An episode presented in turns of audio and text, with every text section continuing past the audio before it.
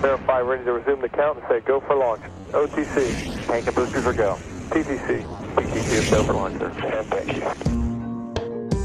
Velkommen til Rumsnak, en podcast om rumnationen Danmark og de danske rumaktiviteter inden for både forskning og forretning. Mit navn er Tina Ibsen. Jeg hedder Anders Høgh Nissen. Spænd selen og start nedtællingen. Vi er klar til affyring.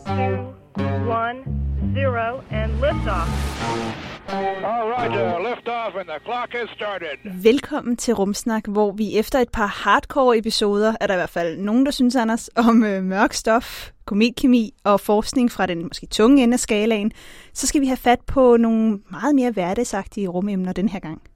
Ja, vi skal nemlig tale om motionscykler og om togtrækning, hvilket måske ikke lyder super rumagtigt, men det er så bare indtil man begynder at tænke på, at jo også astronauter har godt af motion, og faktisk har de endnu mere brug for motion, øh, for eksempel op på ISS, end vi har hernede, fordi vægtløsheden meget hurtigt gør, at muskler og knogler begynder at blive svagere. Ja, og det er faktisk sådan, at et relativt lille firma i den sydvestlige del af Odense bygger de her motionscykler, som de sidste 20 år har givet 170 astronauter på den internationale rumstation noget af den træning, de har brug for. Ja. Det her firma, det hedder Danish Aerospace Company, og vi har været over at besøge dem. Vi har været ude i den virkelige verden for første gang i lang tid, og vi har set på deres gamle cykel, og vi har set på en spritny model, der snart skal afsted til ISS, og så også på et træningsapparat, som forhåbentlig kan blive næste generations motionsmaskine for både NASA og for ESA. Vi skal dog også have et par aktuelle nyheder, og den her gang der handler det blandt andet om kosmisk stråling og Mars rover. Jeg hedder Tina Ibsen. Og jeg hedder Anders Høgh Nissen. Velkommen til. Three, two, one, zero, and liftoff. Hej Anders. Hej Tina. Vi sidder i samme lokale. Det er helt, det er helt mærkeligt. Ja, det er det godt nok. Ja. Så det må være første gang, altså, at vi optager podcast. Vi så jo, da vi havde vores Rumsnak live, men, øh, men ellers så kan jeg ikke huske, hvornår vi sidst har siddet faktisk og optaget Rumsnak i samme lokale. Det var i hvert fald sidste sæson. Ja. Det er, det er rigtig mærkeligt, og det er rigtig hyggeligt. Det er det. Det er rigtig dejligt at se dig igen. I lige måde. Øh, og nu kan jeg jo så sidde og vende øjne af dig, mens jeg tænker på, at du kommer med alle de her nyheder. Jeg har faktisk behersket mig, fordi øh, vores besøg på øh, Danish Aerospace Company over i Odense, det bliver en lang historie. Så jeg har faktisk behersket mig og taget kun nogle korte nyheder denne gang, men selvfølgelig også et par bonus ting, fordi ellers ville det jo ikke være rumsnak. Det er det. Vil du ikke bare øh, lægge ud så? Jo, og vi har jo tidligere talt om, hvordan der nærmest er trafikprop oppe på Mars med rover og helikopter og sonder i omløb og tusind andre ting. Og nu er der kommet endnu mere trafik nede på selve planeten, fordi Kina har nemlig landet deres Tianwen-1 øh, på Mars, og roveren Zhurong, som man overhovedet ikke siger på den måde, men det gør jeg altså, Zhurong, den er i talende stund lige rullet ned fra landeren og ned i støvet og Tianwen-1 har sendt billeder hjem af Zhurong-roveren på den her rampe, og alting ser ud til at fungere.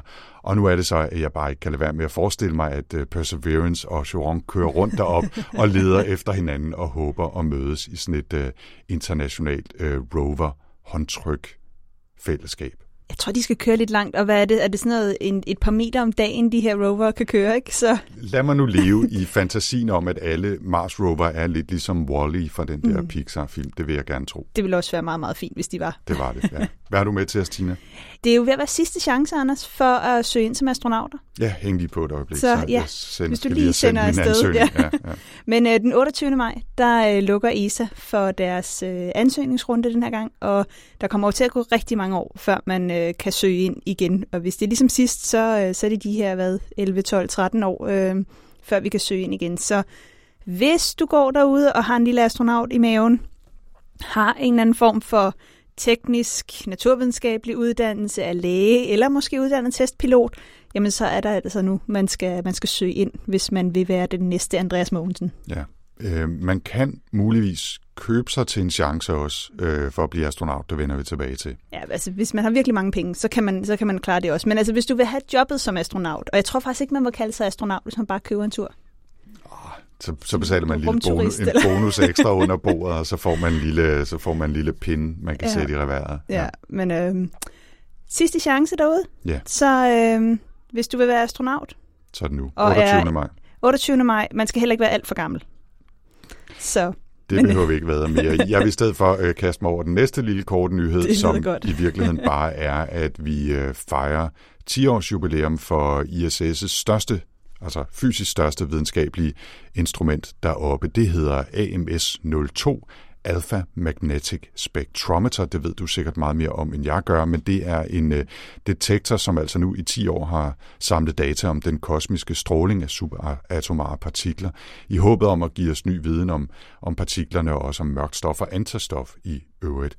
Ifølge ESA der har MS-02 samlet information om over 175 milliarder kosmiske strålehændelser, eller hvad man skal kalde dem, og har blandt andet afsløret, at partiklerne i strålingen kommer i mindst to klasser, en med lette kerner og en med tunge kerner. Og det har i øvrigt været igennem flere vedligeholdelsesmissioner i de her 10 år, hvor astronauterne op på rumstationen har været på EVA, som det hedder, altså uden for øh, rumskibet, så at sige. Ja, hvad er det? Extravehicular Activities. Ja. Det er nemlig rigtigt, at de har været på en lille rumvandring uden på ISS, blandt andet for at opgradere kølesystemet. Men det ser ud til at fungere, og lad os se, om det kan tage 10 år mere. Det vil være dejligt i hvert fald. Mm. Og øh, ja, så skal vi jo selvfølgelig øh, traditionen tro have et par bonusting, og den ene, det er lige noget for dig, Tina. Det handler nemlig om rumvær. Hurra! Ja. ESA er i gang med at udvikle en ny mission, der skal sende et rumfartøj ud til et uh, Lagrange-punkt øh, øh, og overvåge solen og solstormene, og potentielt kunne advare os hernede på jorden, når de er på vej, fordi det kan jo virkelig ødelægge vores mange følsomme øh, elektromagnetiske kommunikationssystemer og alt muligt andet. Og den her mission, den mangler et navn, siger ESA, og derfor har de inviteret til, at man kommer med forslag. Øh, og vi skal nok linke til, hvor man kan bidrage, hvis man skulle have lyst til at deltage i den konkurrence. Øh, navnet på missionen skal være på maks tre ord. Den skal jo helst repræsentere missionens mål på en eller anden façon. Mm. Tina, øh, lige hurtigt. Øh, har, du, har du et par bud? de skal jo gerne være en eller anden form for forkortelse. Altså, så, så okay. en forkortelse kunne godt være SOL, altså SOL eller sådan noget, ikke? Mm-hmm. Eller SON eller sådan noget. Så det kunne være sådan noget Solar Observatory in Lagrange Point, og så I og P er småt. Det er jo sådan typisk...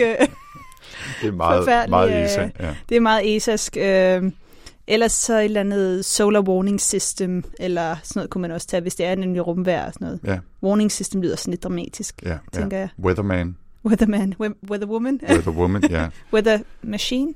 Jeg, for, jeg, har, jeg har foreslået, eller forestillet mig, at, øh, at jeg vil prøve at skrive ind med navnene Solar Storminator, for ligesom at, at køre det sådan lidt op, ikke? Eller, eller bare Hvis sun, nu, hvis vi alle sammen gjorde det, Ja. Solar Storminator, og så står vi bare i sig med det.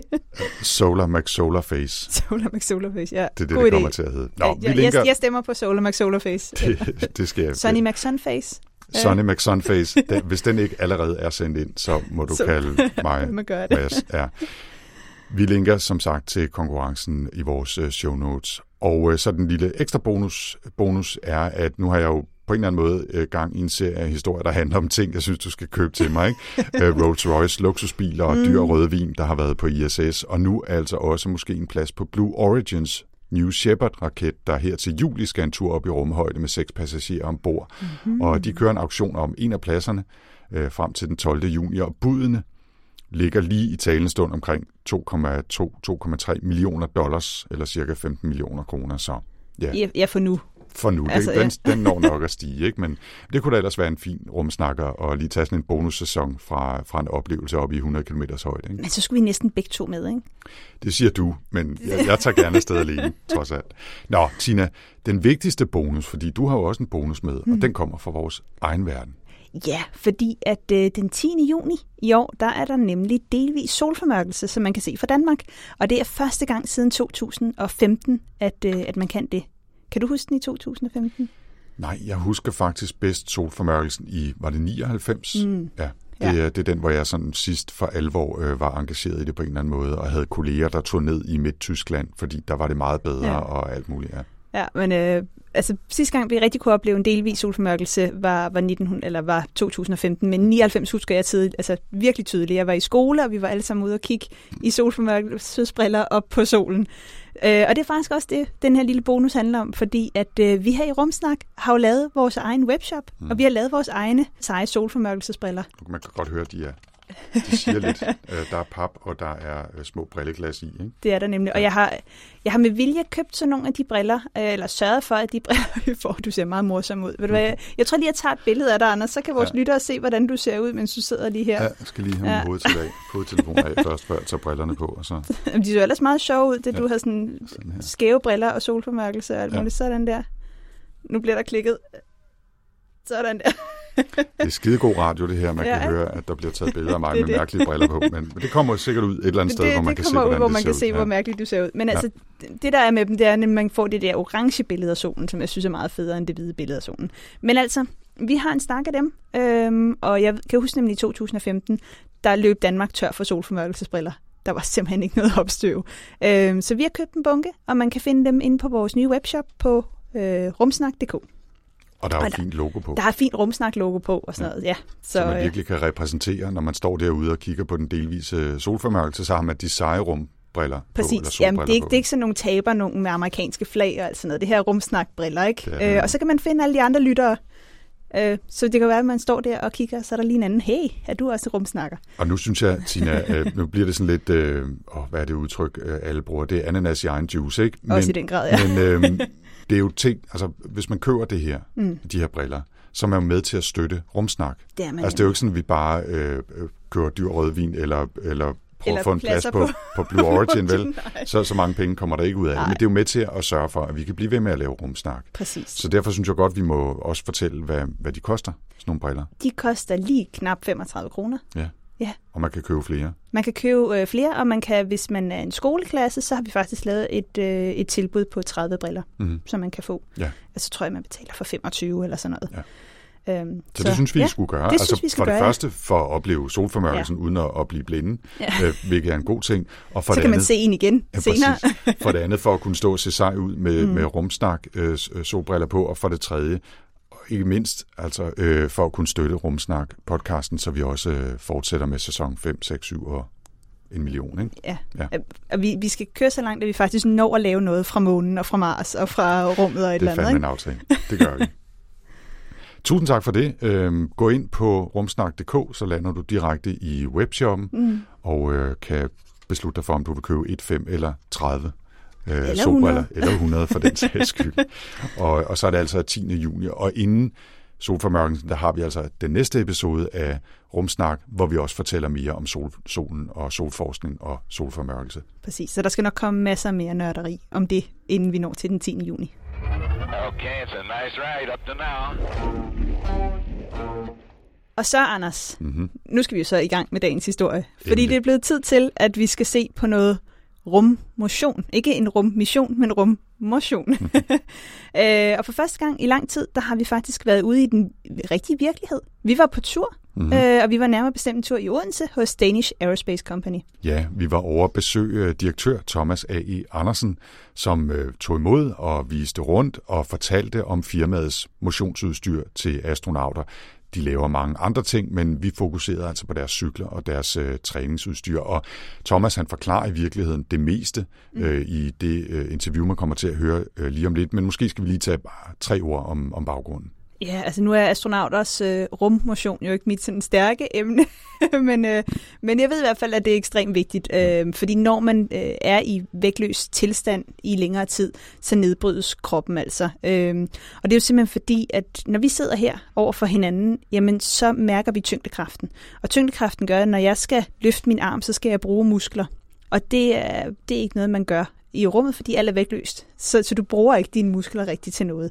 Øh, og det gør jo, at, at når man ikke bruger musklerne bare på at leve, jamen så bliver man nødt til at træne og holde kroppen i gang. Mm. Øh, Jeg kan hørt fortælle, at øh, som snart 50-årig, så bliver tyngdekraften stærkere og stærkere efterhånden, som man bliver ældre. Det er ikke videnskabeligt noget, man snakker særlig meget om, men, men det, jeg er overbevist om, at det er rigtigt. jeg tænker, du bliver nødt til at opstille eksperimentet, fordi det vil øh, være sådan en eller anden modified det gravity theory, øh, Men det er jo det, jeg er i gang med. Altså, Ja. jeg er helt sikker på, at, at den er hårdere at slås imod nu, end den var for 10 år siden. Så.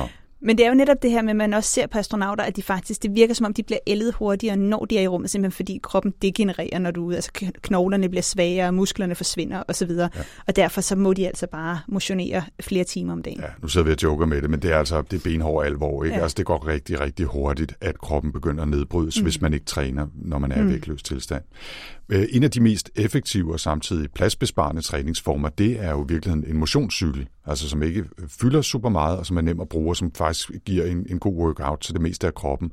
Og Danish Aerospace Company, de har faktisk lige fejret 20 års jubilæum for den her øh, rumcykel, de har bygget, som første gang blev sendt op med rumfærgen Discovery, til den internationale rumstation, hvor den så efterfølgende blev installeret den 28. marts 2001. Det har været lige efter rumstationen er, ja. er åbnet. Ja, det, det, var, er- det var rigtig hurtigt. De Ja. var tidligt ude. Øh, Den her cykel, den hedder CEVIS. Det står for Cycle Ergometer with Vibration Isolation and Stabilization System. Værsgo og skøle. Kan du sige det uden at læse det op? Jo, nu prøver jeg. Cycle Ergometer with Vibration and Stabilization System. Du manglede isolation. Ah, goddammit. Nå, Cevis hedder den i hvert fald. Ja. Ja. Der skulle et i ind der. Men den cykel, den har været i brug sådan cirka af astronauterne deroppe, øh, som hver uge har kørt mellem to eller syv gange øh, under deres besøg i træningspas på mellem 30 og 90 minutter. Og det svarer faktisk til, at øh, Cevis har kørt i gennemsnit 30 minutter hver eneste dag i de sidste 20 år. Så den har udvist en, en vis grad på lidelighed og stabilitet, må man sige. Det må man sige, ja. Nu er der så en øh, ny version på vej til ISS og også noget mere avanceret træningsudstyr til kommende missioner. Og det fortæller alt sammen altså her direktør Thomas A.E. Andersen fra Danish Aerospace Company. Mit navn er Thomas A. Andersen. Jeg er direktør i Danish Aerospace Company, hvor I er på besøg her i dag. Øh, Jeg har været ansat i firmaet i snart 33 år. Startede som nyuddannet ingeniør og øh, har været der lige siden. Og det er jo fordelen, når man godt kan lide det, man laver, og synes, det er sjovt, så kan man jo blive hængende. Så er der ikke nogen grund til at prøve noget andet. Nej. Nej, og vi, vi står så her på dit kontor øh, på STAC, eller Danish Aerospace Company, i øh, lige uden for Odense, øh, eller uden for Odense Centrum, kan man sige. Hvad er det, I laver her, Thomas? Vi laver medicinsk udstyr til astronauter og til andre ekstreme miljøer. Vi har igennem de sidste 30 år bygget og fået opsendt øh, cirka 2,1 tons udstyr ud i rummet. Og det meste af det er kommet hjem igen, og vi har i dag cirka 360 kilo op på den internationale rumstation. Hvis man har hørt om jer, så har man måske hørt om de rumcykler eller rumtræningsapparater, som, øh, som vi også skal se meget mere til lige øh, om lidt. Men I laver også en masse rundt om, kan man sige. Ja, vi laver jo ikke kun motionsudstyr, vi laver også udstyr til helbredsovervågning, til måling på lungerne, til videnskabelige forsøg, som Nonny Pedersen og Peter Norsk har brugt, og så laver vi selvfølgelig motionsudstyret til astronauterne, for at de kan holde sig i god fysisk form. Og der kan jeg da godt sige, at der er vi det ret førende i verden, men det kan vi vende tilbage til. Ja, fordi Thomas, du har lovet os, at vi må komme rundt og se på nogle af alle de her ting, så øh, skal vi ikke gøre det? Jo, lad os gå ned i laboratoriet og se på noget hardware. Du viser mig.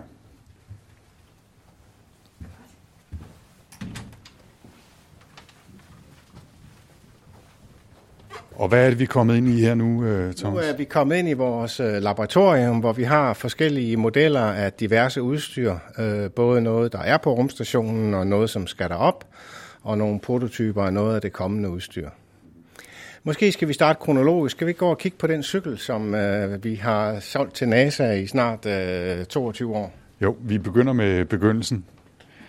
Det ligner en meget, meget kantet prototype af en motionscykel, som de fleste kender den et eller andet sted, men den, den er alligevel noget særligt. Ja, nu er det jo sådan, at øh, astronauterne skal som minimum motionere to timer hver dag, når de er i rummet. To timer, det svarer til, hvad I og jeg laver, øh, uden at løbe en tur eller uden at gå i motionscenter hernede på jorden. Så to timers motion skal de lave på, de har en cykel, de har et løbebånd, og de har noget vægtningsudstyr. Og et af de udstyr, det er så vores cykel, som I ser her. Og den ligner, som du selv sagde, slet ikke en konventionel cykel, fordi i rummet er man vægtløse. Så i princippet har vi ikke brug for sadlen, og øh, da du heller ikke øh, kan bestemme, hvor du skal cykle hen, så har du heller ikke brug for styret i rummet.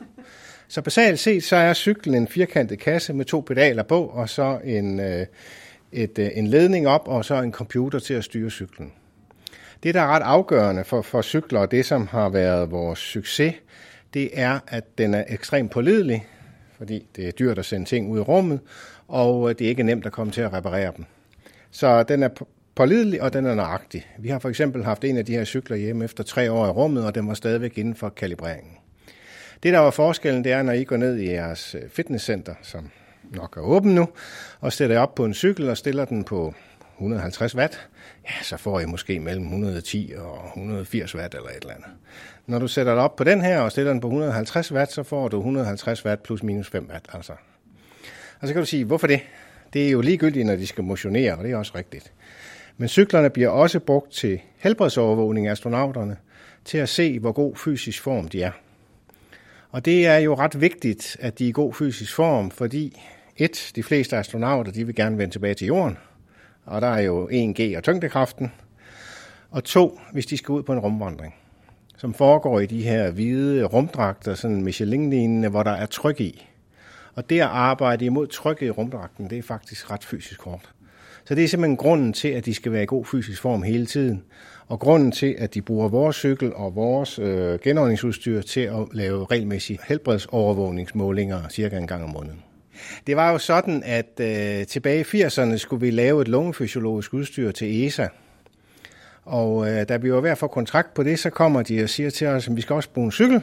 Og så siger vi, at jeg har ikke forstand på cykler. Hvis I vil have kontrakten på det lungefysiologiske, så skal I også bygge cykler. Nå, men så måtte vi jo gå ud og, og bygge en cykel. Så vi var selvfølgelig ude og så på, hvad der fandtes, og vi fik bygget en cykel, og øh, den fløj på Space Lab øh, D2-missionen i 1993. Men øh, samtidig havde NASA problemer med deres egen cykel, de var ved at bygge, og fik øh, øje på vores, og øh, fik faktisk over og fik testet den, og øh, den var meget bedre og meget mere pålidelig end deres. Så siden 1992 har den fløjet på alle de amerikanske rumfærger, indtil de pensionerede i 2011. Den her Sevis har også været op på den russiske rumstation Mir. Den sad så lige i det modul, der gik hul på en overgang, så kunne de ikke bruge den længere. Den er jo så skrottet Mir i, i dag, øh, og så har den været op på den internationale rumstation øh, siden år 2001, øh, så den har faktisk haft 20 års jubilæum her i år. Øh, nu skal jeg sige, det er ikke én, de har faktisk tre cykler deroppe, men øh, de har en, og så kan de skifte ud. For det, der faktisk er ret unikt, det er, hvis astronauterne ikke kan motionere inden for 14 dage. Jeg vil sige, så hvis alle deres motionsudstyr fejler, så bliver det bedt om at tage hjem til jorden. Så det er ret kritisk, at de kan motionere. Du kan sige, at jeg har både en cykel og løbebånd og vægtløftning. Så sandsynligheden for, at alle tre fejler på én gang er selvfølgelig ikke så stor. Men det bliver simpelthen anset som kritisk, øh, at de kan holde sig i god form, når de er der. Det er jo sådan en kasse, der er her, som, som er selve cyklen så tænker jeg, at når astronauter bruger den i rummet, altså nu har vi jo sadlen her, så det er jo meget tydeligt, hvordan man skal bruge den hernede, men, men hvordan foregår det så egentlig? Fordi jeg tænker, når man skal bruge kræfter på at cykle, det kunne da godt se lidt morsomt ud i vægtløs tilstand, hvis man ikke har et eller andet at holde sig fast med. Det gør der også. Cyklen her er spændt op på en ramme, som bogstaveligt talt sidder på væggen inde i det amerikanske laboratorium på rumstationen. Og øh, så har de et rygstøtte, med et bælte, som de kan tage om sig, for ligesom at holde sig fast. De har to håndtag nede langs siden øh, ved hofterne, de kan holde fat i. Og så har de kliksko, ligesom øh, kommersielle cykelryttere og professionelle cykelryttere, hvor de kan klikke sig fast, og så kan de cykle derud af. Men der er også stor forskel. Altså, øh, vi har jo haft amerikanske astronauter, som aldrig nogensinde har cyklet, før de skulle begynde at cykle på vores cykel. Øh, det ser man jo ikke så meget med de europæiske astronauter. De har da alle sammen i hvert fald prøvet at cykle før. Bare lige for at blive lavpraktisk, Thomas. Øh, hvad er det i kassen her, som giver de her 150 watt modstand, hvis det er det, der skal gives? Man kan vel justere på det. Hvad, altså, er det konvention, konventionelt øh, udstyr, eller har I også måttet særudvikle det? Det er det samme princip, som findes i din øh, cykel nede i motionscenteret. Der findes et svinghjul med et bremsebånd, som du accelererer op med pedalerne, og selvfølgelig en gearing, og så har vi en ekstrem præcis styring af belastningen øh, via elektronik, øh, som gør, at den hele tiden får en meget præcis belastning. Og det, der jo er den enorme fordel, og det, der har været et af de store salgsargumenter, det er, at øh, vi har en manuel knap, så du kan simpelthen kan dreje og stille. Så selvom at de har problemer med strømforsyning på rumstationen, så kan de stadigvæk motionere. Så man kan sige, at det, der er specielt ved den her, det er, at den skal være præcis og så skal den være enormt pålidelig. Altså den skal være mekanisk øh, øh, så konstrueret, at den ikke bare øh, knækker eller skal til, ned til cykelsmeden hver andet øjeblik. Ikke? Ja, lige præcis. Altså det er jo fordi, at øh, prisen på at sende et kilo op til bemandede missioner er cirka 50.000 dollar, altså 300.000 kroner. Så når den her den vejer 25-30 kilo, så kan du hurtigt regne ud, at øh, så er det ret dyrt at skulle skifte den ud en gang imellem. Så er det nemmere at have noget, der virker og ikke skal skiftes ud. Der er så et bremsebånd, der vejer under 300 gram, som man kan skifte ud, øh, når det bliver slidt. Øh, det er jo så nemmere til at overkomme. Øh, og der findes faktisk øh, tre, øh, tre cykler op på rumstationen i dag. Øh, den ene af dem, der var blevet væk her sidste år. Altså, I kan se størrelsen af kassen, ikke? Der, der var en læg deroppe. Det kan være, at den var røget ud, tænkte man. Det er jo, når I, hvis man ser billederne af rumstationen, så er der jo ting alle steder. Altså, der er ikke nogen vinduer. Der er ikke noget sted, du kan smide ting ud. Det eneste, du kan smide ud, det er i de her forsyningsfartøjer, der kommer øh, 3-4-5 gange om året med nye forsyninger, hvor du kan smide affald ind, og så brænder det op. Ikke? Øh, så der var faktisk en overgang, at NASA troede, at russerne var kommet til at smide den ud. Men her, for en måned siden, fandt de den dybt inde i et opbevaringsmodul, hvor den var gemt væk. Øh, Altså, øh, det vil sige, hvis der ikke er sæde og, og traditionelt styr på, øh, ja, så ligner det måske en kasse. Pedalerne burde det jo sådan, sådan nogenlunde afsløre, hvad det er, kan man sige. Så, så der er grænser for, hvor anonym den kan være som, som boks, ikke? Det er jo som i virkeligheden mekanik, meget det, der er inde i den her. Men der er jo en eller anden form for elektronisk kontrol, og der er en computer, der hører til. Kan du ikke sige lidt mere om, Thomas, hvad det er, den bidrager med, så eller hvad det er, den gør? Det er jo sådan, at, at computeren styrer jo cyklen og belastningen. Og øh, NASA's flyvenære nede på jorden, de kan jo simpelthen sætte en motionsprofil op til den enkelte astronaut og sende den op via computersystemer og lægge det ind på computeren til cyklen, så når astronauteren han stiger på den næste dag, jamen så har han den motionsprofil, han skal køre. Og samtidig med øh, bliver der også målt data. Vi måler selvfølgelig data fra cyklen, men de har også en heart rate sensor på. Og de data bliver også sendt ned automatisk, når de er færdige med at motionere, så flyvelægerne har et overblik over deres helbredstilstand, og om de faktisk også har motioneret det, de blev bedt om. Sidder de og cykler med masken på altid, eller er det kun, når der skal laves decideret helbredstjek? Det er kun, når der skal laves helbredstjek. Øh, normalt så kan de stige på cyklen og cykle uden maske eller noget som helst, øh, men så en gang om måneden, øh, hver anden måned, der bliver lavet de her helbredsovervågninger, hvor man måler iltoptagelse. Og det gør man simpelthen med vores portable PFS-udstyr her, som er et lungefysiologisk udstyr, det samme der står her, som er en lidt større kasse med en touchskærm på, som kan måle ilt, CO2 og forskellige udåndingsgasser. Det kan måle blodtryk, øh, ECG. Og øh, med det, der kan man simpelthen lave en iltoptagelsesmåling, som er præcis det samme, som Team Danmark laver på deres topatleter for at måle, hvor god fysisk form de er. Øh, og det laver NASA også på sine astronauter med regelmæssige mellemrum for at holde øje med deres fysiske form.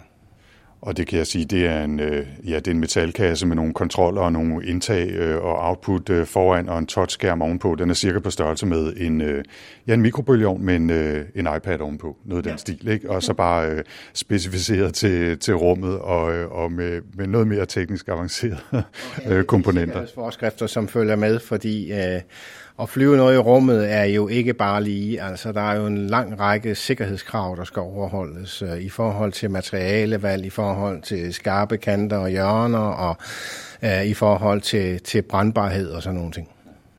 Jeg tænker, nu, nu ser vi på størrelsen af jeres udstyr her, Thomas, men hvis man nu skulle printe den dokumentation, der skulle følge med, hvor meget fylder det så på, på sådan en, en kasse som det her? Jamen, det fylder jo rigtig meget. Altså, du kan sige, det er jo... Øh meget af det til rumfart, det er jo lige så meget og dokumentation. Uh, vi kan jo lige, hvis vi kigger på cyklen her, så kan jeg fortælle jer, det, den, jeg fortalte jer, den var bygget tilbage i slut 80'erne, starten af 90'erne. Uh, jeg har længe presset på over for NASA og sagt, at de er på tide, at I køber en ny cykel. Fordi sidste gang, vi skulle finde reservedele, der var vi ude på eBay for at finde de her dele. Uh, og samtidig med, så uh, skal vi også holde øje med alle komponenterne. Og det har vi jo selvfølgelig dokumentation for, og vi har da været ude for, at NASA kom tilbage øh, og spurgt, den her transistor, eller den her diode, har I brugt den for 20 år siden i jeres cykel? Fordi nu er der kommet en warning fra fabrikanten, at den kan fejle. Og så skal vi kunne gå tilbage i dokumentationen og sige, ja, det har vi, eller nej, det har vi ikke. Og der var så nogle øh, dioder, som øh, vi havde brugt, og som så viste sig over tid, der fejlede de, og så har man vi skifte dem ud på nogle af cyklerne. Så ja, dokumentation er et kæmpe del af det, både som man sporbarheden og bevise, at det overholder krav og kvalifikationer, men lige så meget hele sikkerheden. Altså, øh, sikkerhed er jo alt, et og alt, øh, når du har astronauter inde i kapslen. Er det næste skridt nu at øh, kigge på den allernyeste model? Ja, Fergo. du vender dig om og kigger der, så kan du se den. Jamen, den var jo nærmest lige til at overse, hvis man ikke vidste det. Øh, Det er måske også, fordi den, vi ser på her, ja, for det første har den en fin, øh, sådan mørk turkis grøn lige farve, det er jo fancy, men så er der heller ikke øh, pedal og øh, sæde og styr og alt muligt andet på. Men, men det er altså den nye cykel. Det er den nye cykel, som hedder Fergo øh, Flight Ergometer, øh, altså en, en, en cykel til at bruge i rummet. NASA har bare valgt at kalde den Civis Replacement, for så skulle de ikke ændre al deres dokumentation. Men, men, men det er vores øh, Fergo-cykel, som du ser her, den sidder på vores kalibreringsbænk, som er simpelthen en bænk med en motor, som vi kan styre, og så kan vi lave en helt specifik belastning og måle, at vi også giver den belastning, som, som vi siger, vi giver og sådan noget. Og det er en del af det kalibreringsudstyr, som, øh, som vi bruger til at kalibrere vores cykler på. Øhm, jeg kan så også sige, at den her cykel, den, øh, den er på vej ud af døren. Øh, 18. august afgår den med en raket fra Florida til rumstationen og skal bruges heroppe, så vi er i gang med de sidste test. Lige den der. Lige den der. Skal de så også have tre af dem deroppe med tiden? Eller? Ja, de to i hvert fald. Øh, første gang, der, den her cykel er lavet lidt anderledes. Der selve mekanikken er samlet i en boks, og så er elektronikken i en separat boks, der kan pilles af. Måske kan forestille dig, at den her boks kan pilles af, og så man kan faktisk skifte elektronikken ud. Så den her bliver sendt op sammen med en ekstra elektronikboks, så hvis der går noget, så kan de skifte elektronikken ud deroppe, og så har vi øh, flere cykler på vej øh, til NASA. De vil altid gerne have et par stykker i reserve. Men, men hvad, hvad er der ellers anderledes ved den nye forhold til, hvad I har lavet før? Altså for det første, så er elektronikken jo helt anderledes. Ikke? Vi skal ikke på eBay længere for at finde øh, komponenter. det skulle gerne være den nyeste state of art, men alligevel ikke så ny, at det ikke har overstået børnesygdommene. Så det er jo sådan en balancegang med, hvad for noget elektronik man skal vælge. Og så den gamle cykel kan gå op til 350 watt i belastning. Vi har haft rigtig mange astronauter, som har trænet ned på jorden, inden de skulle på rumstationen og sagt, de der 350 watt, det er ikke noget problem. Mm-hmm. Nogle af dem, I har måske set dem, er jo ret fedt og i god fysisk form, og selvom de er amerikanere, så har mange af dem også cyklet alligevel, øh, men øh, vi har da haft en 10-12 stykker, der har slået de 350 watt hernede på jorden. Men øh, ved I, hvor mange, der har slået den i rummet i de sidste 22 år? Når du siger det på den måde, så gætter jeg på 0. En. Okay. Vi har haft en. Så bare det 14 dage efter, at de har gøre det på jorden, så kan de ikke gøre det i rummet. Det fortæller måske noget om, hvor hurtigt øh, vægtløsheden påvirker kroppen og vores kredsløb og vores muskler osv. Så, videre. så den her kan faktisk gå op til 500 watt. Ja, er der behov for det? På jorden, ja. Under træningen i rummet, ja. Så kan det være, at der kommer nogle endnu mere øh, fedte astronauter, som kan nå op over de 350 watt. Men ellers så er det jo lige så meget at lave noget, der er pålideligt. Den sender mange flere data ned til jorden. NASA's øh, flyvelæger kan uploade en hel masse nye data og så videre. Men har stadigvæk de basale features med den her knap, hvor du kan stille den manuelt, hvis du ikke har noget strøm øh, og sådan noget. Så, så, så det er ligesom det, der er det primære formål.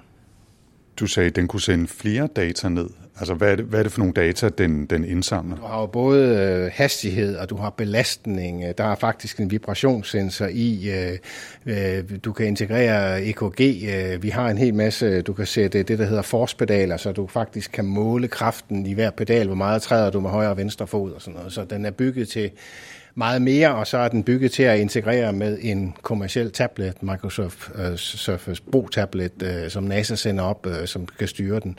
Så du kan sige, uh, det der med, at den er afhængig af computeren, det er der ikke så meget. Der sidder selvfølgelig nogle computer i, men selve den eksterne styring, når de sender en ny laptop op, uh, jamen så kan den opgraderes til også at styre cyklen.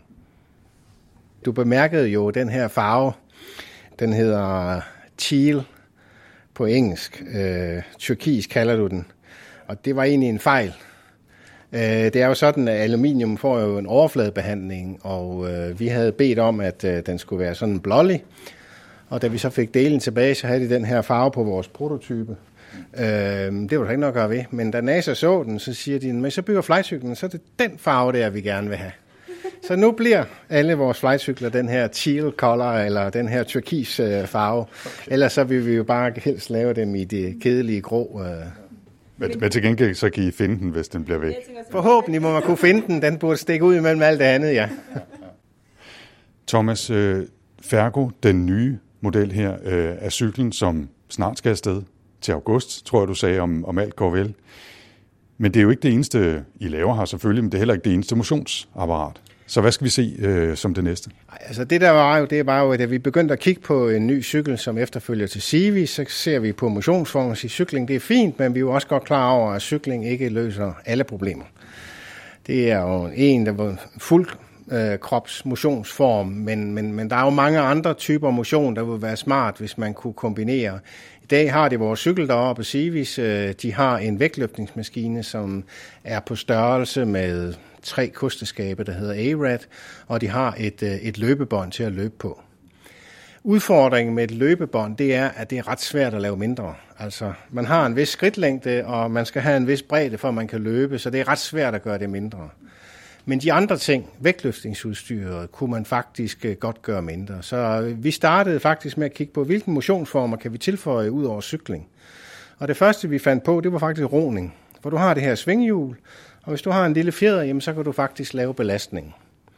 Og så tænkte jeg, ah, vi kan lave roen. Kan vi ikke også lave det her øh, vægtløftningshalløj? Og så satte vi en motor på, øh, og så har du faktisk også vægtløftning. Og så fandt vi samtidig ud af, jamen du kan jo egentlig også godt lave togtrækningsøvelser. Så vi har i dag øh, kontrakt på med den europæiske rumforskning ESA på at bygge et nyt kombineret motionsudstyr. Det er sådan en 4 i 1, hedder E4D. Der er så fire E'er, European Enhanced Exploration Exercise Device, derfor E4D, øh, som kombinerer cykling, roning, vægtløftning og togtrækning i et udstyr. Og det er det, vi har prototypen stående af Ja, herovre. lad os gå over og kigge. Ja, det er så i en, i en tilstand af prototypebearbejdning, kan jeg se. Ja, du kan se, som det er her, det er faktisk det, der hedder den sammenfoldede konfiguration, hvor du kan måske ane, at når låget bliver sat på, så er der en platform, man kan stå på.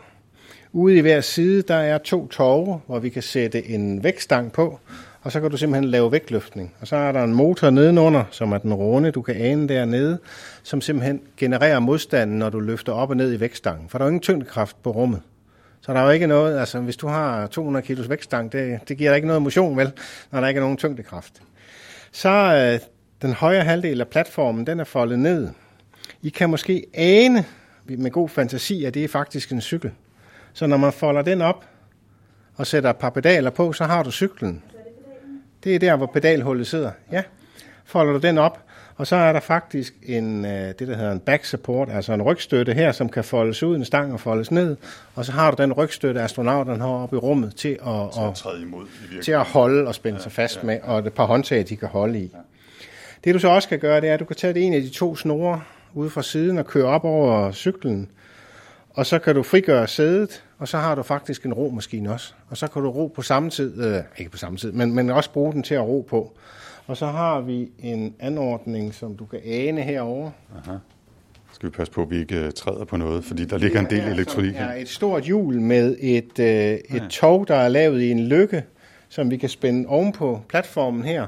Og så kan du simpelthen lave togtrækning, sådan Det er bare et loop af tog, som man hiver bare, som og så trækker i, og så kan vi stille øh, belastningen, og så kan du øh, få større eller mindre belastning i forhold til, til togtrækningen. Det, der jo selvfølgelig er udfordringen i alle de her øvelser, det er, at du er vægtløs. Så du skal holde dig fast. I cyklen, der er det nemt. øh, Du kan tage et mavebælte på, og du har kliksko. Øh, roningen, der har vi ligesom på en kommersiel romaskine, der har vi de her øh, fodholdere, hvor du kan sætte fødderne ind under. Du sidder på sædet, du kan tage en sele om, og du har et par håndtag, og så kan du cykle. Men i vægtløftning, der er det ret afgørende, at den kraft, du løfter, at den også er ned mod dine fødder, ikke? Fordi hvis I kan forestille jer, ellers så tipper man forover eller bagover og skøjter rundt. øh. Og det er selvfølgelig derfor, at der er sådan nogle små huller på platformen, hvor man kan sætte det, der hedder fod øh, lykker i, hvor man astronaut kan stikke fødderne i, for at holde sig fast under nogle af øvelserne, når man laver dem. Altså, øh, det er, jo, det er jo ret fascinerende, for nu er den selvfølgelig også i en tilstand af øh, skilt adhed, hvis det er et ord. Ikke? Altså, øhm, så, så det kan måske godt være lidt svært at forestille sig det, men det er jo basalt set en ja, en tyk plade, som så kan konfigureres på forskellige måder. Man kan vippe cykeldelen op, som du sagde, Thomas. Øh, der er et sæde, der kan følge med, som man kan bruge til, når man cykler, eller klappe ned, når man skal ro. Og så de her, altså det er i virkeligheden to øh, hager øh, med, med kabler ude i hver sin side, så man kan sætte en vægtstang imellem. Så kan man forestille sig, hvis man tænker på en vægtløfter, yeah. der bøjer sig ned og løfter en vægtstang, og så i stedet for, at der sidder store vægtskiver på, så sidder der nogle tog eller nogle kabler i hver ende, som giver modstanden. Så man så kan indstille vel også rimelig nøjagtigt, så det svarer til 10 eller 100. Du kan eller... også sætte håndtag på, ligesom du kan nede i fitnesscenteret, og så kun bruge den ene af snorene af gangen, eller bruge øh, dem begge to øh, synkront, eller hvad du vil. Ja, det, er jo... det der øh, unikke her, det er, at du kan både lave øh, belastning, når du løfter op og når du løfter ned. Øh, det, der hedder koncentrisk og ekscentrisk belastning, og det kan vi faktisk regulere.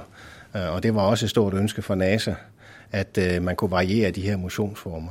Noget andet, der er forskellen, øh, det vægtløsudstyr, de har oppe på rumstationen dag, der hedder ARAD, er baseret på to stive arme, der går ud og holder den her vægtstang, som du så løfter op og ned. Men det vil sige, at du har ikke den der balance, sideværs balance, som er alle de små muskler, vi faktisk bruger hver dag for at holde balancen. Hvis man stiller sig oven på sådan et balancebræt for eksempel, bruger man alle de der små muskler. Det får astronauterne ikke trænet deroppe, og det var nogle astronauter, der sagde, det er jo det, der er fordelen med det her med en vægtløftningsstang og snore, det er, at du bliver ikke styret i balancen. Du skal selv styre, og dermed træner du også de små muskler i kroppen til den her balance, som er ret vigtigt. Vi havde jo det her udstyr over for lige godt to år siden på NASA, til det, der hedder en test-off, hvor NASA vil evaluere E4D her mod en amerikansk leverandør, Sin Technology, der lavede noget udstyr, der så kun kunne øh, vægtløftning og cykling. Og øh, så var der et fælles panel af NASA og ESA-folk, 10, der skulle vurdere det her.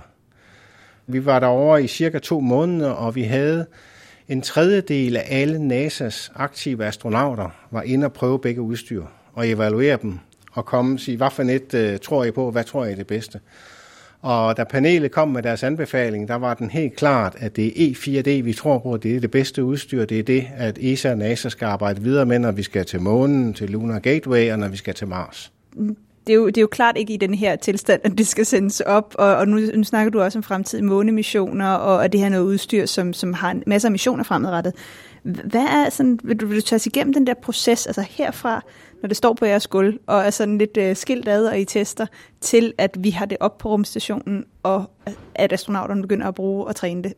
Hvad, hvad, hvad er der der? der står her er en, man kan kalde det en prototype, en konceptmodel, der viser, at funktionaliteterne er der, det kan fungere, det kan rekonfigureres imellem de forskellige motionsformer.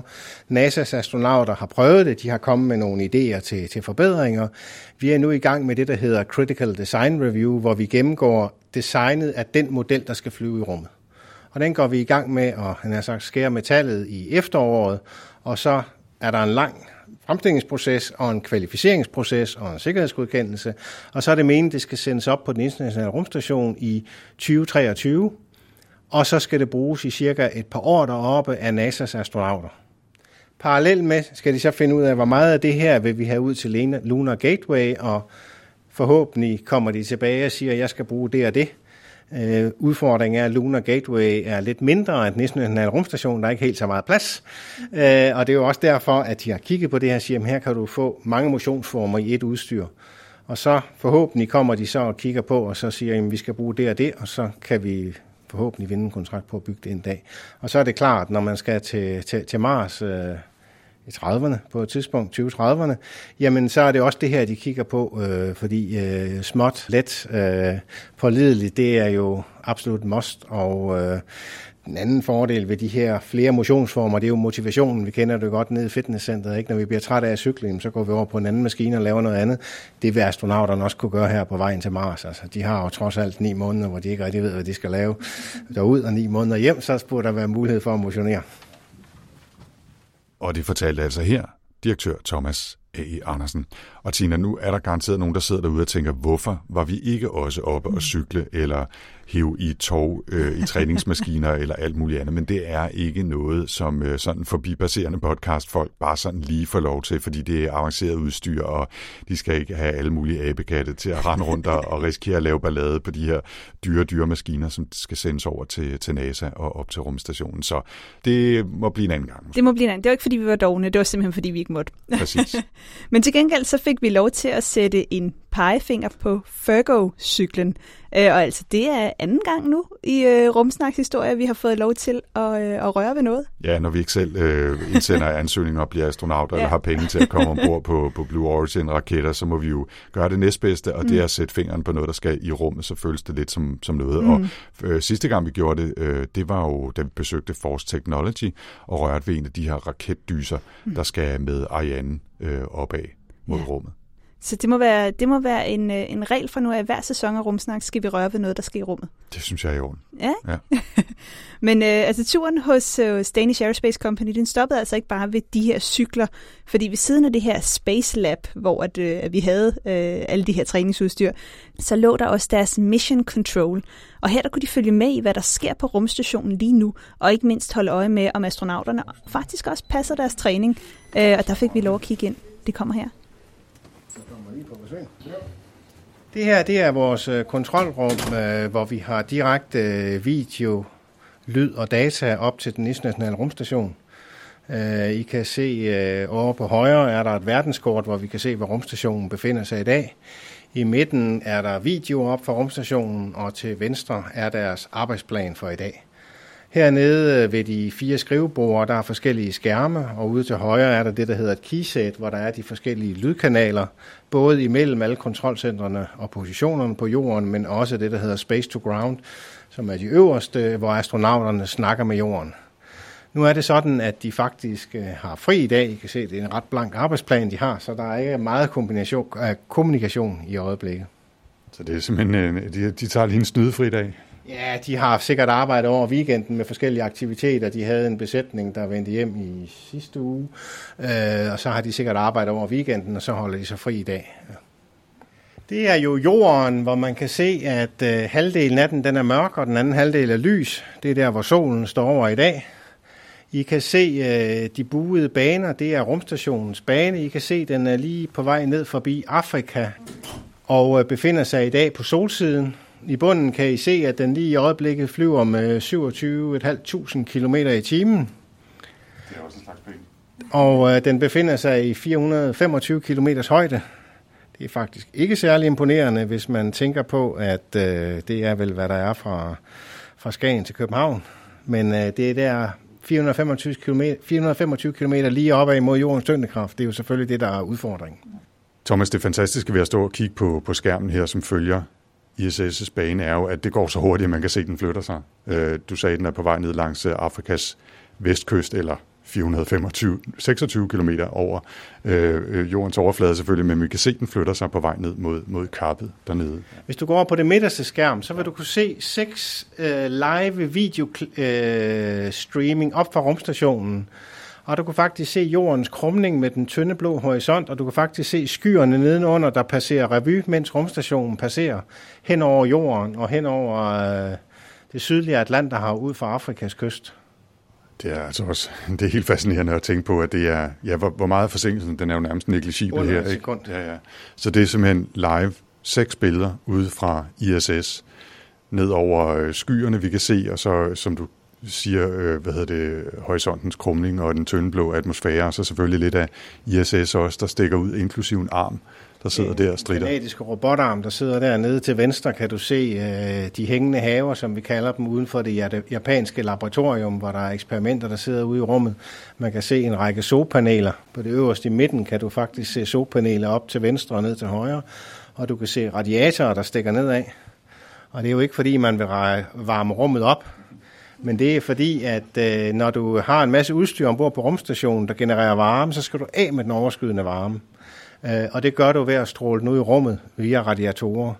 Jeg vil lige indsparke, det ved du ikke, Thomas, men det ved uh, rumsnaklytterne, at Tina og jeg har engang samlet en uh, Lego-model af den internationale rumstation øh, for åben mikrofon. Så vi kender alt til Canadarm og øh, solpanelerne og hele balladen, i hvert fald i Lego-form. Ja, ja, præcis. Super, men den har vi også stående herinde. Så Okay, ja. nu går jeg ud fra, at jeres næste opgave, det er så den nye rumfærge, der er Det kommet. er lige præcis det, der er. Vi går, vi går og venter på, øh, øh, hvem der trykker på købknappen først. Og så må vi se, hvem der øh, køber den øh, to meter høje Apollo-raket-model til sidst. Dem har vi også stående begge to oppe i vores mødelokaler. Det er jo sådan lidt... Eller det, I har dem stående nu, bare vent til vi er kørt. Ja. Nu kan jeg jo ikke lade være med at kigge på den sidste skærm, Thomas, for jeg tænker, det er jo noget af det, der er særligt her for jer også, ikke? Øh, nu skal vi nok lade være med at komme ind i detaljer, eller det ved jeg ikke, om vi må, men øh, Det må vi gerne. Det må vi gerne. Det er på venstre skærm. Det du ser, det er sådan et slags øh, timeark. Astronauternes daglige arbejdsplan. Der er en række linjer, syv linjer, en for hver astronaut, ISS Commander, og så de forskellige navne, hvad de hedder, Arki, Thomas, øh, Pesquet, som er ESA-astronauten osv. Og så simpelthen, hvad de skal lave i dag. Ja, for jeg kan jo se netop, at, at, at Thomas han er, jo, han er jo faktisk i gang med jeres udstyr lige nu. Lige præcis. Så han står, da han skal exercise på Civis, og bagefter skal han over på A-Red vægtløftningsudstyret. Og øh, når han er færdig på vores cykel, kan du se, at så skal Mark van der Heij op og cykle på vores cykel bagefter. Øh, det er jo sådan, at de har en arbejdsplan. De har det, der hedder sleep, så sover de selvfølgelig, og så har de post-sleep. Post-sleep, det er det samme som når I står op om morgenen, morgentoilet, går i bad, spiser morgenmad og sådan noget. Det er post-sleep, og så har de på normale arbejdsdage en morgenkonference med jorden, hvor man lige diskuterer det her, passer det, er der nogle ændringer til dagens arbejdsplan, og så går de ellers i gang med arbejdsplanen, og det er faktisk sådan, at når de små bokse, der udtrykker, hvad de skal lave, bliver grå, så kan vi se, så har de gennemført det. Hvis der er en lille bitte pil, så er der faktisk en besked, de har skrevet ind, og så kan vi gå ind og se, hvad de har skrevet til jorden. At, ej, jeg vil gerne have sat belastningen på min cykel ned, eller et eller andet andet, eller filen ligger der og der, og så kan man gå ind og hente det. Og så omkring frokosttid, øh, så har de øh, frokost alle sammen, og så fortsætter arbejdsdagen igen øh, efterfølgende. Når, hvad var det Tomar, øh, som han er i gang med at træne på Sevis-cyklen Ja, lige nu? Kan I gå ind og, og overvåge det i realtid og se, hvor meget han øh, trykker, om han overholder sit program? Altså? Ikke normalt, det uh, tager NASA's flyvelæger sig af. Altså den normale motion, der får de en, en profil op og sige, du skal motionere i herfra og her til cirka en time tid og cykle, og så får de filerne ned. Hvorimod, når det er helbredsovervågning, og de laver de her konditionstest, øh, så får vi kurver direkte op på skærmene, kan se belastningen, kan se øh, iltoptagelsen, kan se EKG og blodtryk og så videre, og kan følge med under dem, og kan vejlede dem i opsætningen, og hvis der skulle være nogle udfordringer. Hvor tit får de lavet dem? De får lavet dem cirka en gang om måneden hver 14. dag. Øh, De har lige fået lavet dem, dem der kom op i sidste uge, øh, fik de lavet deres første, den nye besætning, der er kommet op. Det er vildt. Det er, jeg kunne sidde og kigge på de der seks billeder. Måske ikke så meget timeplanen, mm. men de der seks billeder og oversigtsbilledet hele dagen. Det skal du øh, glæde dig over, at du kan, for hvis du ser de orange linjer øverst, det er faktisk det, der fortæller, om der er KU-kontakt, det vil sige, om der er video og data op for rumstationen. Det er jo sådan, at rumstationen er jo forbundet til tre satellitter i kredsløb om jorden. Så dataene bliver sendt fra rumstationen ud til satellitterne og ned til jorden. Men når den kredser om jorden, så skifter den jo fra satellit til satellit, og derfor er der nogle huller imellem, når der er handover fra en satellit til en anden, og så forsvinder data- og videoforbindelsen deroppe fra. Og vi er lige på vej mod et hul om fem minutter eller noget af den stil, så kan vi ikke uh, se video Så længere. kommer der bare stillbilleder, og så kommer ja. den op igen uh, 10 minutter senere, og så er der en ny video. Det var godt, vi nåede det så. Så sikkerheden omkring det her, I har jo direkte kontakt, nogle gange i hvert fald, op til astronauterne på rumstationen. Hvor, hvor, hvordan sikrer I øh, alting her? Selvfølgelig indbrudssikring, og vi har vagtværn, der patruljerer osv., men hele computersystemet herinde er jo uafhængig af internettet og koblet direkte op øh, gennem server til, til Moskva og til Houston øh, på separate øh, forbindelser osv., så, videre, så, så du ikke kan komme ind, og der ikke kan komme virus derop og så videre. Så, så det er sådan lidt et ekstra sikret rum, vi står i lige her nu? Det er der, det er også derfor, der skulle adgangsnøgle og kode til at komme ind. Men vi kan godt komme ud, siger du. Du kan godt komme ud, ja. Okay. Du viser mig. Okay, it's a nice ride up to now. Og med det er Rumsnak landet for denne gang. Næste gang bliver jo altså en særlig episode, fordi vi kommer nemlig til at sende en solformørkelse special. Som vi har talt om allerede, så er der jo solformørkelse den 10. juni her i Danmark. Og hvis du vil være klar til solkiggeriet, med briller på selvfølgelig, mm-hmm. så lyt med igen om 14 dage. Og hvis man i mellemtiden gerne vil vide mere om Rumsnak, så kan man finde os på Facebook, hvor Rumsnak har sin egen side, og også altså på rumsnak.dk, hvor man for eksempel også finder vores øh, webshop mm. nu. Og husk også i øvrigt at tjekke show notes til podcasten, hvor vi selvfølgelig denne gang linker til meget mere information om DAC og deres motionsmaskiner. Ja, hvis man har spørgsmål eller kommentarer, så kan man også skrive til os på Twitter med hashtagget rumsnak. Øh, jeg kan også findes på diverse sociale medier under Astrotina, eller på Twitter med attina underscore Ibsen. og jeg hedder Anders, det er stavet 4ND3RS henne på Twitter. Vi tager altid meget gerne imod input og idéer, og husk, at hvis du synes, det har været spændende at lytte til Rumsnak, så er du meget velkommen til at dele med familier, venner og andre rumnørder derude. Og som altid er det fornemt, hvis du har lyst til at give os nogle stjerner og måske en lille anmeldelse i Apple Podcasts. Vi takker uanset hvilken rating du giver. Rumsnak er støttet af Otto Mønsters Fond og Vidt Knudsens Fond og bliver produceret af Potlab. Jeg hedder Tina Ibsen. Og jeg hedder Anders Høgh Nissen. Tak for denne gang.